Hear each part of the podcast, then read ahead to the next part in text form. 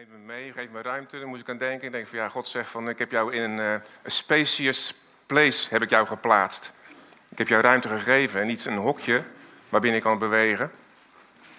Maar een zee van ruimte heb je gekregen. En waarom? Omdat je volledig vrijgezet bent. Gasten, welkom deze morgen. Um, voor degene die hier voor het eerst is. Maar geloven je dat uh, we vergeven zijn? Dat Gods genade ons leven regeert?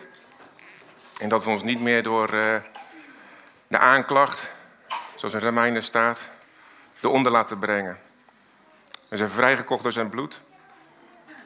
We zijn geheiligd, we zijn apart gezet. En op die manier willen we graag gemeente zijn.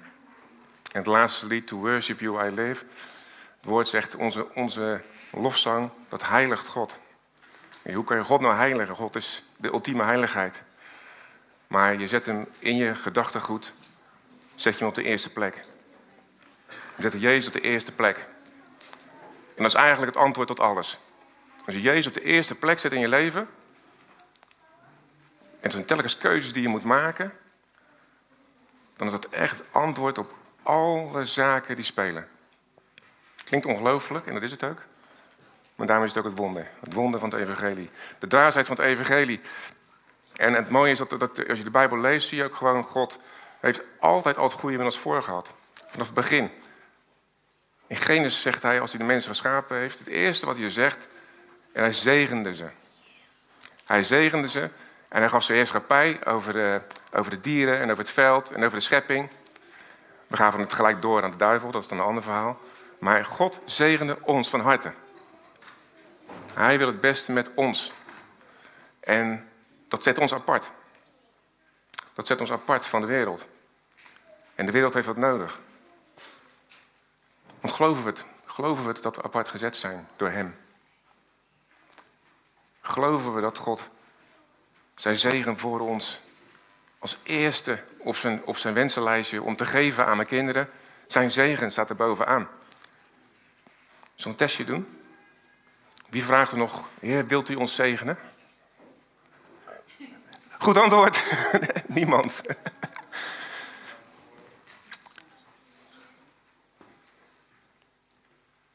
Toen Jezus aan het kruis ging, toen werd Gods zegen ons deel.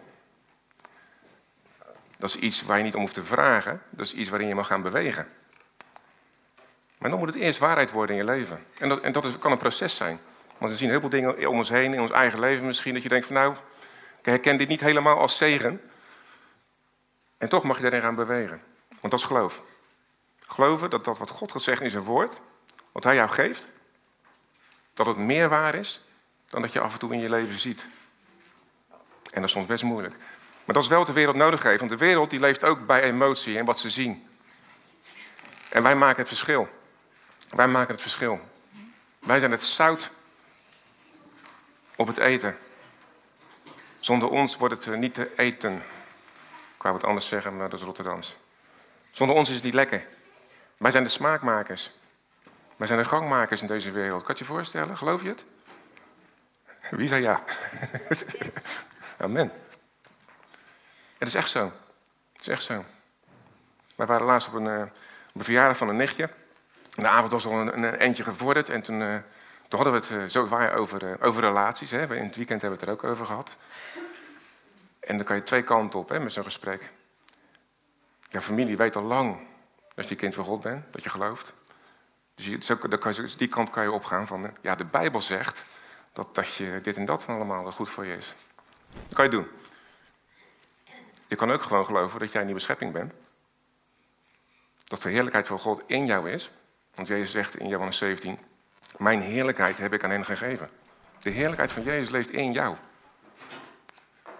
En dat je vanuit dat gedachtegoed dat gesprek voert. En vertrouwt dat Gods geest in jou mensen aan gaat raken. Durf je dat te geloven? Of vind je het hoogmoedig? Wij zijn met hem opgestaan uit de dood. En hij heeft ons opgeheven en gezet in de hemelse gewesten. Dat is onze geestelijke positie. Onze oude positie is niet meer. En van daaruit mag je gesprekken voeren met mensen. En ik zal je vertellen, dat gesprek ging heel wonderlijk. Want je proeft het bijna, je kon bijna voelen, je kon bijna vastpakken, de honger van de mensen die niet het principe van God kennen. De honger naar liefde. De honger naar ehm, niet voor jezelf leven. En wij zeiden van nee, hoe heet het? Um, als jij, uh, die talen van de liefde hebben we even over gesproken. Als je getrouwd bent en je weet dat je partner ergens behoefte aan heeft, dan moet je er eerst achter komen, dat is handig. Maar dan is het nog steeds aan jou, die die kennis inmiddels dan heeft, om er wat mee te doen. Om daarmee je partner te dienen. En zo hebben we allemaal verschillende dingen die we belangrijk vinden in een huwelijk. En daar mag je partner op, inspelen. Dat is een moeilijk woord. Daar mag je als partner op inspelen. En het was bijzonder. Dat was bijzonder. Ik heb later mijn, oudste zus nog opgebeld. Ik wilde niet je verjaardagfeestje verpesten. Het was trouwens van de, van de nichtje, maar van haar dochter, mijn nichtje. Maar ze zegt, nee, nee, nee, was goed. Was goed. En zij is nog niet, voor zover ik weet, ze is wel serieus met geloof bezig, maar ze is nog geen kind van God, maar ze vond het goed. Ze vroeg zelfs, denk je dat je andere mensen bereikt hebt? Want zij weet natuurlijk met welke mindset wij praten. Dus ja, de toekomst zal het leren. Maar dat laten we lekker bij Jezus. Wij, wij zijn maar de messenger. We moeten Jezus het ingewikkelde werk laten doen. Want alleen Jezus kan die harten veranderen van mensen. Wij zijn maar een stukje gereedschap. En dat mag je gewoon op je eigen manier, zoals jij bent. En als jij dat doet door bijvoorbeeld iemand te helpen met klussen, prima. Als je lekker kan babbelen, heb een gesprek met iemand. Maar je hoeft niet gelijk met bijbelteksten te smijten. Mag wel, als de situatie daar zich toe leent, of als misschien die persoon erom vraagt, prima. Maar probeer niet een heilig boontje te spelen. Ga niet uh, helemaal religieus lopen doen en zo. Want dan kom je ook jezelf nog een keer tegen. Vertrouw gewoon God in jou. Er is niemand anders die je kan vertrouwen, dus dat maakt het vrij makkelijk.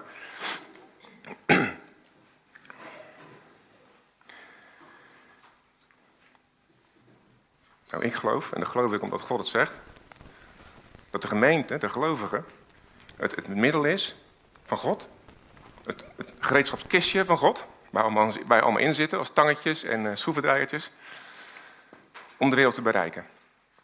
Nou, en Jezus zegt daar iets over, want je zou vragen, hoe dan? Nou, die teksten mogen op, die staan in Johannes 17. Dan zegt hij in vers 11, ik ben niet meer in de wereld, maar zij zijn in de wereld en ik kom tot u, heilige Vader.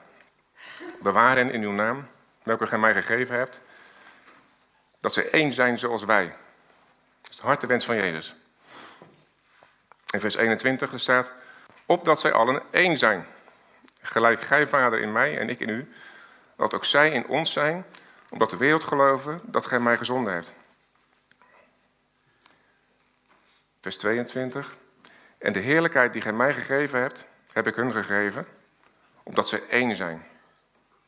Gelijk wij één zijn. Dus wat ik net zei, we hebben de heerlijkheid van God in ons ontvangen. Dat is het doel. Om één te worden. En vers 23 zegt, ik in hen en gij in mij, dat zij volmaakt zijn tot één. En hier komt het doel, opdat de wereld erkennen dat gij mij gezonden heeft, hebt. En dat gij hen lief gehad hebt, gelijk gij mij lief gehad hebt. Dat is wat de Bijbel erover zegt.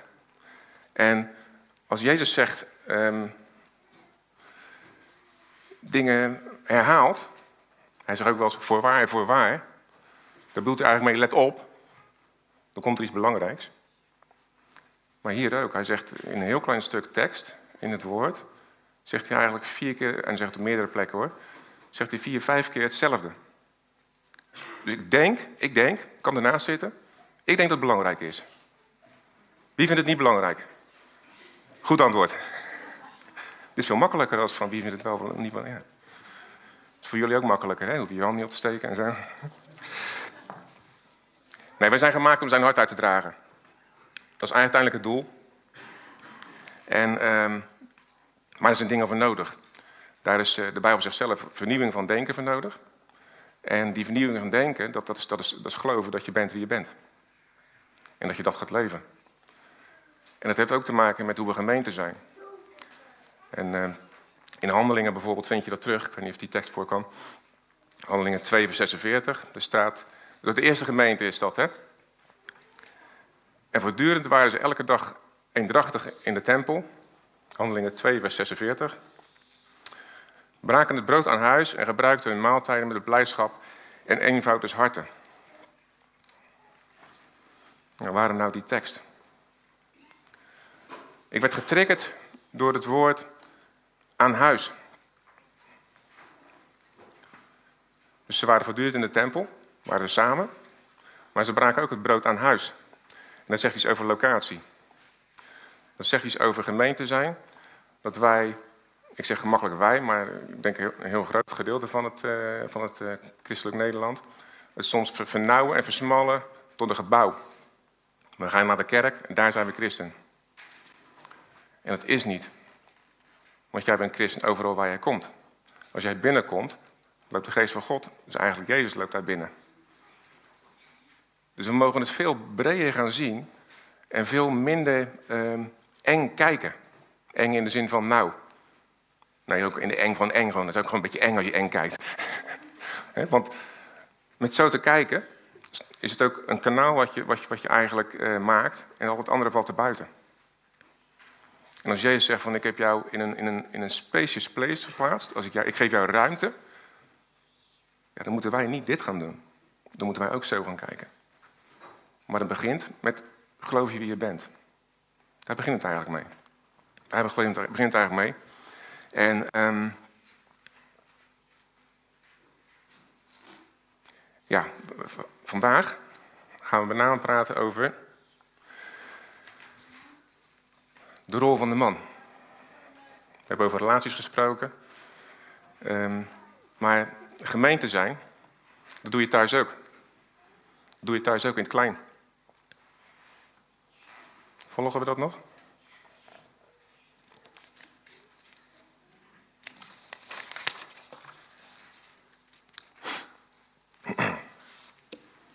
We zitten nu hier, duurt een paar uur, en dan ga je naar huis.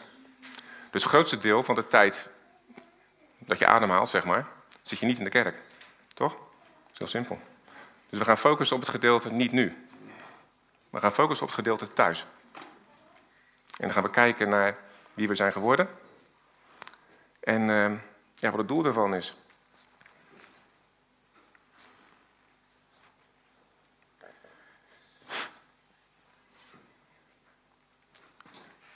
Man als priester van het gezin.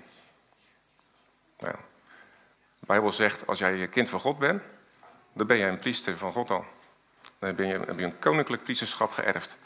Man, vrouw, volwassenen, onvolwassenen. Als je je hart aan Jezus hebt gegeven, dan heb je al een koninklijk priesterschap. Dat ben je al. En binnen de gemeente heeft God gewoon structuren gegeven. En dat gaat in de, in de kerk, dat gaat, dat gaat thuis, waar rollen, rollen gespeeld moeten worden. En de man is daar de priester van het gezin. Nou, en wat, wat, wat, ja. Dat begint met Jezus centraal stellen. Door de man. Wat zeg je? ja, ja, maar het is zo.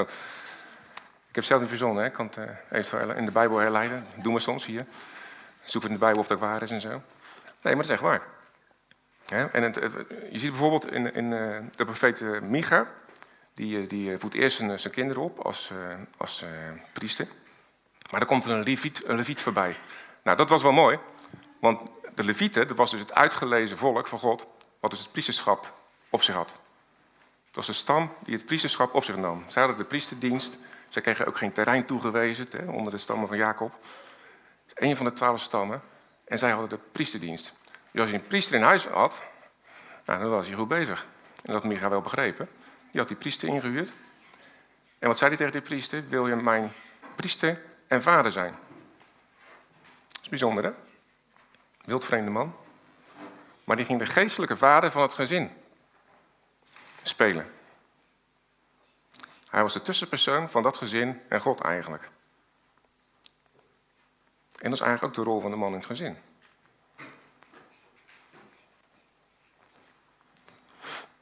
Efeze zegt daar ook wat over. In Efeze 5, vanaf vers 22. Daar staat, ik begin even met het leuke gedeelte. Gij vrouwen, wees aan uw eigen mannen onderdanig. Gelijk aan de Heer. Ook belangrijk, gelijk aan de Heer. Dat moet je, dat moet je, je moet compleet lezen, je moet context lezen. Niet alleen dat. Er zijn dus problemen mee begonnen thuis. Vrouwen, wees je man onderdanig. Alle mannen stoppen gelijk met lezen. Want de man is het hoofd van de vrouw, of de bron, gelijk ook Christus het hoofd is van de gemeente. Dus de manier waarop de man het hoofd van de vrouw is, is de manier waarop Jezus het hoofd van het gezin is.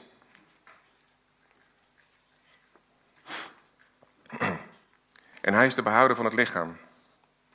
Daarom, gelijk de gemeente aan Christus onderdanig is, alzo ook de vrouwen aan haar eigen mannen in alles. Als je die context tot je door laat dringen, dan worden de woorden anders. Want als een vrouw onderdanig moet zijn aan haar man, ja, daar kan je alle kanten mee op. Van heel positief tot heel negatief. Maar als er staat, zoals de gemeente aan Christus onderdanig is, op diezelfde manier, dus eren, respect, komen we zo meteen nog even op terug. Iemand zijn plaats geven, wij geven Jezus hier de eerste plaats. Dan wordt het anders. Geen mannen hebt uw eigen vrouw lief, gelijk ook Christus de gemeente lief gehad heeft. En zichzelf voor haar heeft overgegeven. Opdat hij haar heiligen zou. Haar gereinigd hebbende met het bad des waters door het woord. Opdat hij zichzelf zou hm? omdat hij haar zichzelf heerlijk zou voorstellen. Een gemeente die geen vlek of rimpel heeft, of iets dergelijks. Maar dat zij zou heilig zijn en onberispelijk. Dus zoals Jezus de gemeente optilt, zo moet een man zijn vrouw optillen. Dat is anders, hè? Tenminste, ik vind het wel. Alzo zijn de mannen schuldig hun eigen vrouw lief te hebben. Gelijk hun eigen lichamen. Verplicht, zou je kunnen zeggen. Die zijn eigen vrouw lief heeft, die heeft zichzelf lief. Want niemand heeft ooit zijn eigen vlees gehaat, maar hij voedt het. En onderhoudt het. Gelijkwijs ook de Heer de gemeente. Want wij zijn leden van zijn lichaam, van zijn vlees en van zijn, van zijn benen. Dat, dat geeft een beetje de rol van ehm, de man in het gezin weer. En in de Bijbel heb je ook, in het Oude Testament heb je ook personen die die rol speelden. Die niet zozeer priesters waren omdat ze dan uit de Levitische stam kwamen, maar ze speelden die rol. Uh, Abraham bijvoorbeeld, die pleit voor, voor, uh, voor Sodom en Gomorra. Kennen we toch dat verhaal, hoop ik. Mozes die pleit in de periode van het gouden kalf. Als hij van de berg afkomt en het volk heeft een gouden, kalf gemaakt. En Job die wordt ook zeker als priester gezien. Het is zelfs zo dat uh, toen Job ziek werd, heeft hij dingen over God gezegd. En uiteindelijk, aan het eind van het hoofdstuk, zegt God nog... Job heeft juist over mij gesproken. En hij zegt tegen die vrienden van... Je gaat Job als priester eren, want ik luister alleen naar Job. Ik luister niet naar jullie, ik luister naar Job. En zijn offer aan mij, dan gaat jullie vrijpleiten. Nou, dat is priesterdienst. Priesterdienst van een man is je gezin en je vrouw vrijpleiten. In ons geval is dat bevestigen. Bevestigen wie je vrouw is als ze een kind van God is. En als iets speelt, dan kan je als man zeggen: hé, hey, wacht even, laat ons er niet onder krijgen. Want jij bent geliefd door God, je bent bijzonder. En je kan het wel, want God woont in jou. Hele simpele, praktische dingen die je tegen je vrouw kan zeggen. En dat is echt iets wat wat mannen wel moeten doen.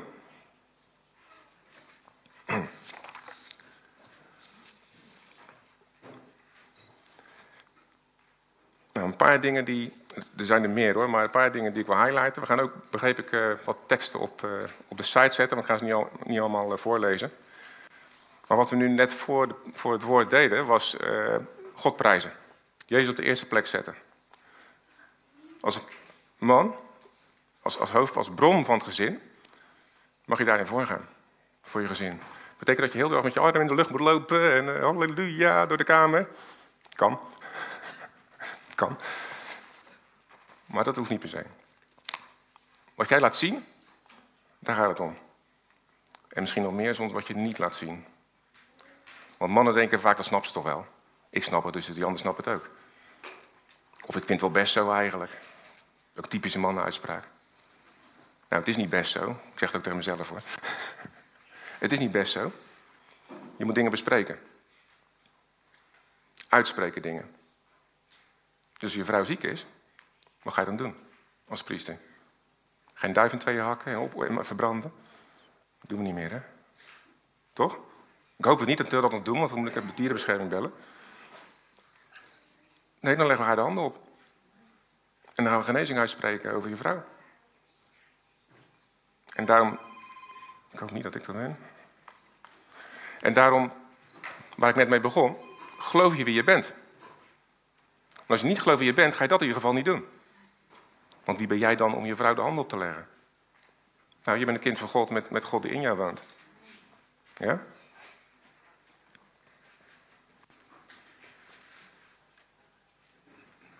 Geven.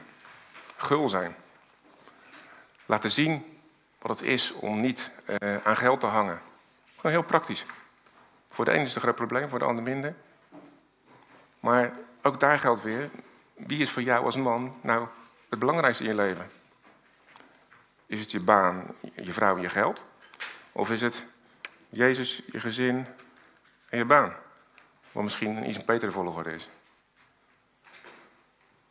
Want als je dat niet gelooft, als Jezus niet op de eerste plaats staat, waarom zou je hem geven van jezelf? Want het is eigenlijk teruggeven.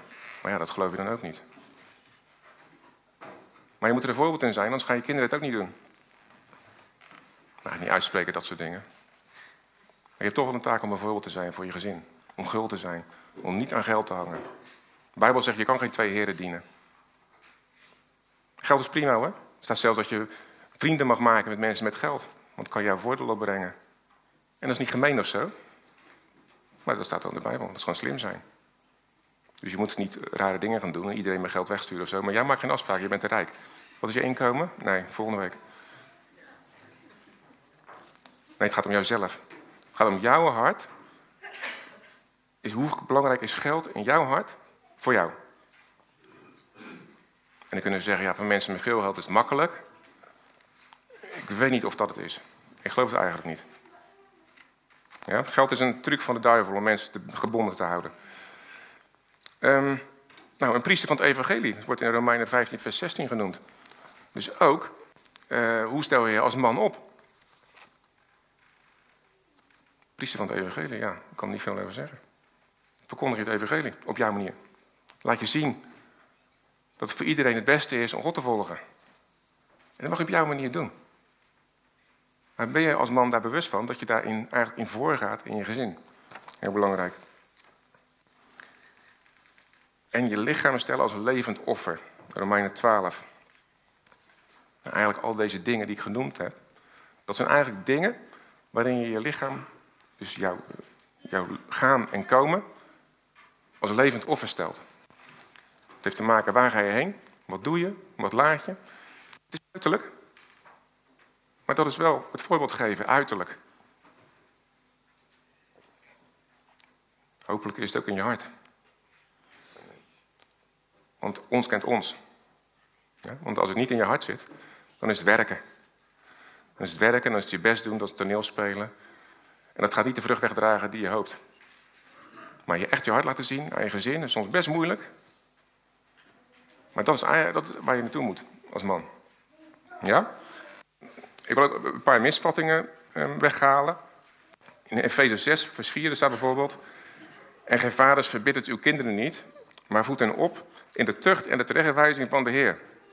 Nou, dat hebben sommige vaders ook opgevat. Dat, dat, dat tuchtige, dat spreekt wel een beetje aan. En terechtwijzen vind ik ook wel... Uh, ja, kan je ook je stempel een beetje drukken. Maar als je de, de teksten een beetje dieper bekijkt... dan staat er eigenlijk... verzorg je kinderen, leid ze op, vraag hun aandacht... soms met milde correctie of waarschuwing. Dat is heel wat anders. Dat is heel wat anders. Dat is het hart van God. Dat is het liefdevolle hart van God. Dat gewoon je waarschuwt van, joh, dat is niet handig wat je nou doet. Maar dat mag niet. Dat is fout. Je bent verkeerd bezig. Dat is oordeel. Daar hebben we afscheid van genomen, toch? Met z'n allen. We moeten het ook onze kinderen niet uh, geven. En dat is, dat is best lastig. Dat is best lastig. Want je ziet soms dingen gebeuren dat je denkt van wow, dit gaat echt de verkeerde kant op. Maar ja, vertrouwen dan op God dat hij uh, die kinderen in zijn hand heeft. Ik denk, het, ik denk dat dat een, uh, een belangrijk iets is, dat we God vertrouwen daarvoor. Um, ja, de volgende. Volgende. Ja, heel goed. Het een leuk fotootje. Sommige mannen denken, dat kan ik niet. Ja, dat klopt. Dat kan je ook niet. Dat kan je nog niet in eentje. En um, er is wel eens uh, gezegd, en daar wil ik eigenlijk niks aan afdoen hoor, maar uh, het zijn die uh, mooie pakketjes. Van een, een, vrouw heeft liefde nodig en een man heeft respect nodig.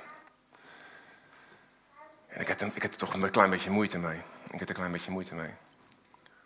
Want um, er komen allerlei gedachten dan bij mij op. En één gedachte is bijvoorbeeld, we hadden vroeger op de lagere school hadden een leraar, en misschien, mijn zus is er, misschien weet je het nog, meneer Rosbach. En die uh, was ook een gelovige man. En die eiste respect, stampvoetend. Want hij had een, een, zoon op diezelfde school. Ja, en die mocht hem niet op een bepaalde manier aanspreken. En die ging helemaal uit zijn stekken, want hij eiste respect. Nou, denken jullie dat hij dat gekregen heeft, op die manier? Ja, nul, hè? Dus angst. Hij respect. Ik denk als een man zijn nodig respect nodig heeft, weet hij dan wel wie die is. Als een man respect nodig heeft, ik heb respect voor mijn vrouw nodig. Weet je dan wel wie je bent? Hou je wel van jezelf? Weet je dat je een nieuwe schepping bent? Weet je dat je de bron van het gezin bent? Of geloof je het eigenlijk helemaal niet en moet je vrouw tegen je zeggen?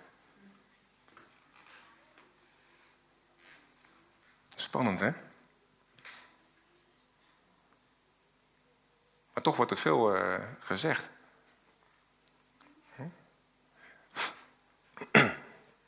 Respect, respect. Het is, is een ander woord in de Bijbel. Daar komen we zo meteen op. Maar ja, ik vind respect klinkt een beetje, ja, ik vind het een beetje kinderachtig. Wat ik ook al moest denken van, uh, ja, je gelooft het bijna niet, maar toen ik klein was, was ik een beetje een rotventje. Zeggen sommige van mijn zussen wel eens. En als wij boodschappen gingen doen, dan kreeg ik altijd een autootje van mijn moeder. Kennen we dat? Playmobil en Matchbox autootjes, wie herkent het? Gelukkig.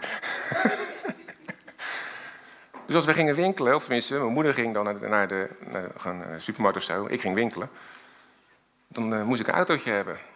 En als ik dat niet kreeg, nou, ik heb het voor horen zeggen hoor, ik weet niet zeker of het waar is. Maar dan trapte ik een rel op de Groene Dijk op Rotterdam-Zuid. En ik wil een autootje. Ik wil respect. Mannen, joh. Haal die duim uit je mond, man. Kom op. Stel niet aan. Respect. Vrouwen hebben liefde nodig. En mannen hebben gewoon liefde nodig. Het hart van God heb je nodig. Al die interessante uh, dingen, weet je wel, die alleen maar het vlees eigenlijk voeden. Probeer dat los te laten. We hebben allebei, allebei man en vrouw, gewoon keihard God nodig. En um, daar wil ik een stukje op inzoomen. En wil ik een stukje uit Koningen lezen. En dit gaat erover over het uh, feit van dat in de Bijbel staat dat de vrouw uh, uh, ontzag voor haar man moet hebben. Want respect, ontzag, dat het linken aan elkaar. Um, ik wil daar een stukje nuance in aanbrengen. En het gaat over Salomo, dat stuk. En het gaat over Salomo's eerste rechtspraak. De eerste zaak die hij kreeg toen hij koning was. Want de koning was ook rechter, hè? In, het hoofdstuk, in, de, ja, in de paragraaf ervoor heeft Salomo aan God wijsheid gevraagd. Bijzonder is dat, dat God zegt, vraag wat ik u geven zal. Dat is ook zo mooi. Niet vraag en we kijken wel wat er gebeurt. Vraag wat ik u geven zal. Dus Zeg het maar.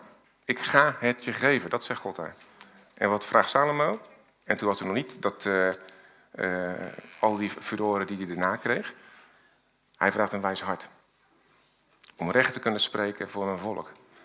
Dat uh, wordt gewaardeerd en dat gaat hij ook doen. En de geschiedenis van de twee vrouwen. Twee vrouwen, um, hoeren bij de koning. Toen kwamen er twee vrouwen, hoeren, bij de koning. En ze gingen voor hem staan. Ik heb mijn bril niet op. Ja, ik verzin het niet zelf, staat echt.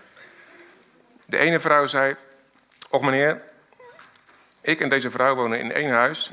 En ik heb bij haar in huis een kind gebaard. het gebeurde op de derde dag nadat ik gebaard had, dat deze vrouw ook een kind baarde. En nu waren wij samen en geen vreemde was er bij ons in huis. Alleen wij tweeën waren in huis. Toen is de zoon van deze vrouw s'nachts gestorven, omdat ze op hem gelegen had. En ze is midden in de nacht opgestaan. Heeft mijn zoon bij me weggenomen, terwijl uw dienares sliep. En heeft hem in haar schoot gelegd. En haar dode zoon legde ze bij mij in mijn schoot. En toen ik s ochtends uh, opstond om mijn zoon te voeden, toen was hij dood. En diezelfde morgen bekeek ik hem wat beter. En zie, het was mijn zoon niet, die ik gebaard had. En toen zei de andere vrouw, niet waar, de levende is mijn zoon en de dode is uw zoon. De eerste, de eerste zei daarentegen, niet waar, de dode is uw zoon en de levende is mijn zoon. Zo spraken ze ten overstaande van de koning. Toen zei de koning, deze zegt, dit is mijn zoon, de levende, en uw zoon is de dode. En die zegt niet waar, uw zoon is de dode en mijn zoon is de levende. Vervolgens zegt de koning, breng mij een zwaard. En ze brachten een zwaard bij de koning. En de koning zei, snijd het levende kind in tweeën. Geef de helft aan de een en de helft aan de ander. Dat is redelijk uh, stevige uitspraak. Als de koning iets zei, dan werd het ook echt gedaan. Hè? Want even niet, geen, geen vergissing over zijn. Als hij dat niet totaal doet, ook dat altijd gebeurt. Maar goed, maar de vrouw, van wie de levende zoon was, want haar medelijden werd opgewekt vanwege haar zoon, zei tegen de koning, och heer, och mijn heer, geef haar het levende kind en dood, mij dood het in geen geval. Maar de ander zei, het zal niet van mij en ook niet voor u zijn, snij je dan midden. En toen wist de koning het. Toen antwoordde de koning en zei, geef haar het levende kind en dood het in geen geval. Zij is zijn moeder. En heel Israël hoorde het oordeel van wat de koning geveld had. En ik moet het lezen om de context aan jullie uit te leggen. En men had ontzag voor de koning. Want ze zagen dat de wijsheid van God in hem was om recht te doen. En ze hadden ontzag voor de koning. In de Bijbel wordt ook vaak gezegd van eh, de, de, de, de vrees van God is het begin van wijsheid. Hè, in spreuken. En uh, je, God, God, God vrezen. Je zult God vrezen. Maar vrezen wordt daar niet bedoeld bang voor zijn. Daar wordt niet bedoeld angst. Staat die, uh, kan die sheet op?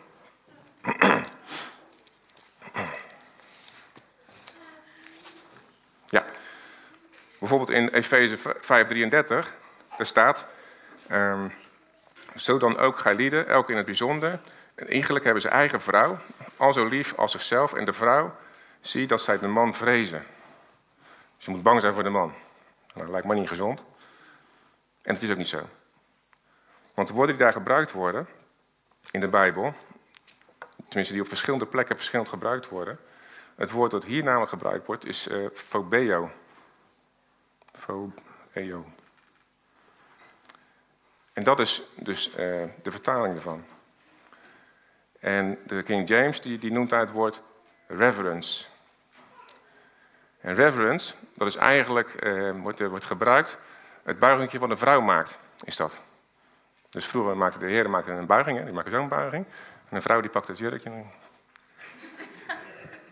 Dat is reverence. En het is ook raar natuurlijk, als een, als een koning het leven van een kind redt, een, een uitspraak doet waar iedereen over verwonderd staat, dat je daar bang voor zou zijn. Daar moet je juist blij mee zijn. Nee, het is, ze erkenden zijn wijsheid. Dat was het ontzag. Het was ontzagwekkend. Dus de vraag aan de mannen is: zijn jullie ontzagwekkend in je gezin? Ben jij als man ontzagwekkend? Dus roep jij ontzag op met wat je doet en wat je laat? Of verpest je het juist met wat je doet en wat je laat? Want ook wat je laat is een actie. Ontzagwekkend. Wij mogen ontzagwekkend zijn, want ik kan het niet, een een leuk fotootje natuurlijk, nee, je kan het ook niet. Jij bent ontzagwekkend omdat Jezus jou ontzagwekkend gemaakt heeft. En dat jij een fantastische rol binnen je gezin mag spelen. En als we dat gaan doen als mannen, in, groot, uh, in het groot gezin in de gemeente van God, dan gaan de diensten anders worden. worden. Want het begint thuis. Wat je thuis niet doet, ga je hier ook niet doen. Ja? Als je thuis Jezus niet op de eerste plek zet, dan kan je hier prachtig je in de lucht steken, maar ik geloof er niks van. Het is gelukkig niet aan mij.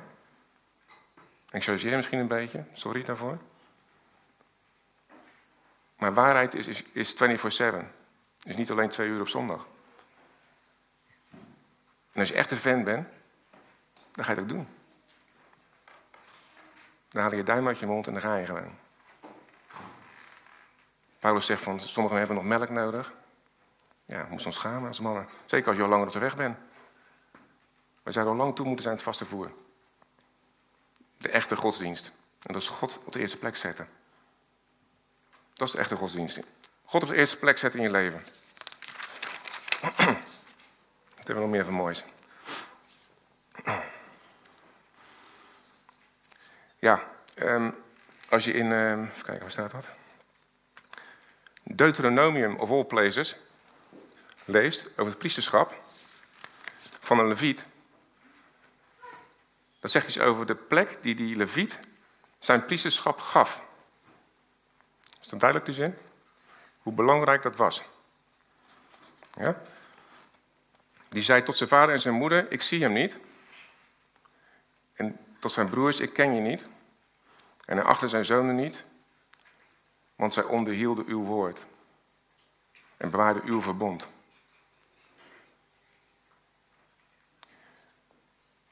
Hebben wij misschien een punt van herkenning met Lucas? Lucas 14, vers 26. Wie zijn vader en moeder niet haat om mijnentwil, is mij niet waardig. Er staat hetzelfde. Er staat niet van, je moet je vader en moeder haten. Dat staat er niet. Er staat, ik sta de eerste plaats. En als het op aankomt, als jij moet kiezen in jouw leven, ben ik de eerste keuze.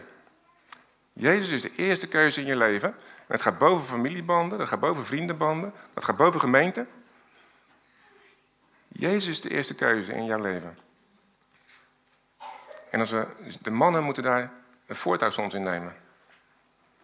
En uh, ik heb gezegd, en dat is ook waar, dat we zijn allemaal, hebben allemaal die koninklijke priesterschap geërfd. Dus ja, als je man ziek is, mag de vrouw ook gewoon de handen opleggen op de man. Maar de vrouw die mag de handen leggen op de vrouw. De, man mag handen opleggen op de vrouw. En is, heeft er ervaring mee, dus het mag geen probleem zijn.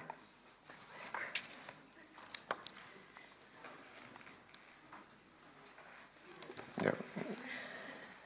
Toch?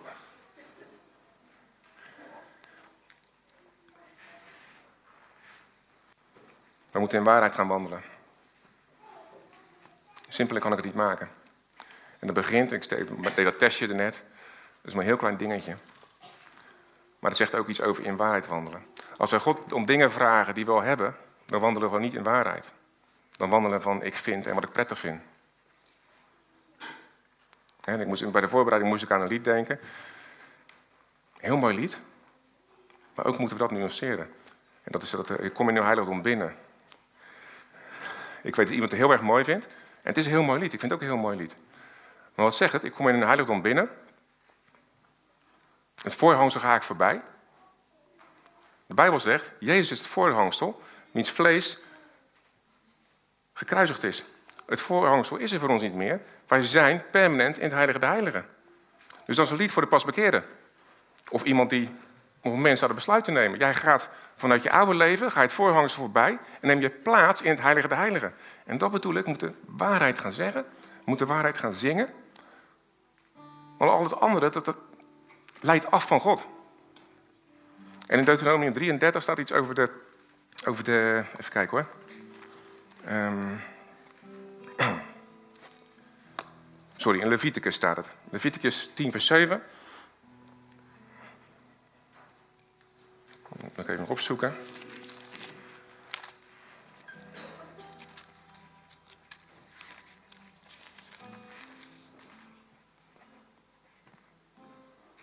En het gaat over de Levitische priesters. Jullie mogen ook de ingang van de tent van ontmoeting.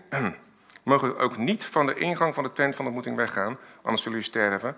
Want de zalfolie van de Heer is op jullie. En ze deden overeenkomstig het woord van Mozes. En datzelfde staat in, in uh, Leviticus 21, vers 12.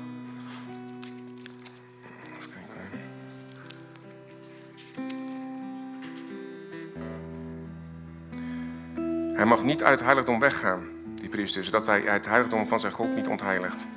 Want de wijding van de zalfolie van zijn God is op hem. Ik ben de Heer. Gods zalving, zalving is met het offer van Jezus, op het moment dat jij Jezus geaccepteerd in je leven, is zijn zalving op jou. Heb jij een koninklijk priesterschap ontvangen. Of je het nou voelt, of je het nou weet, het is zo, het woord zegt het. Het is niet meer de bedoeling dat wij uit heiligdom weggaan. Sterker nog, het kan niet eens. Want dan zouden we bij God verwijderd raken. Dat kan helemaal niet. God is in jou. Je draagt heiligdom gewoon met je mee. Je draagt gewoon met je mee. Dus als we dat niet gaan zingen, dan is dat de mindset die we moeten hebben. Moeten we denken van nee, ik ga niet het, voor, het heiligdom binnen. Ik ben daar. Ik ben daar. Dat is, dat is mijn rol. Ik ben, ik ben die, die priesterrol ben ik aan het doen. Ik ga het voorhangsel niet voorbij. Ik ben het voorhangsel voorbij gegaan. Want het voorhangsel is gescheurd van boven naar beneden. Voor jou en voor mij. Is dat gaaf of niet? En met als we daar zijn gaan staan in het Heilige der Heiligen, zegt God, en nu ben je in een spacious place. In een ruimte waarin boundaries zijn in mij. Amen.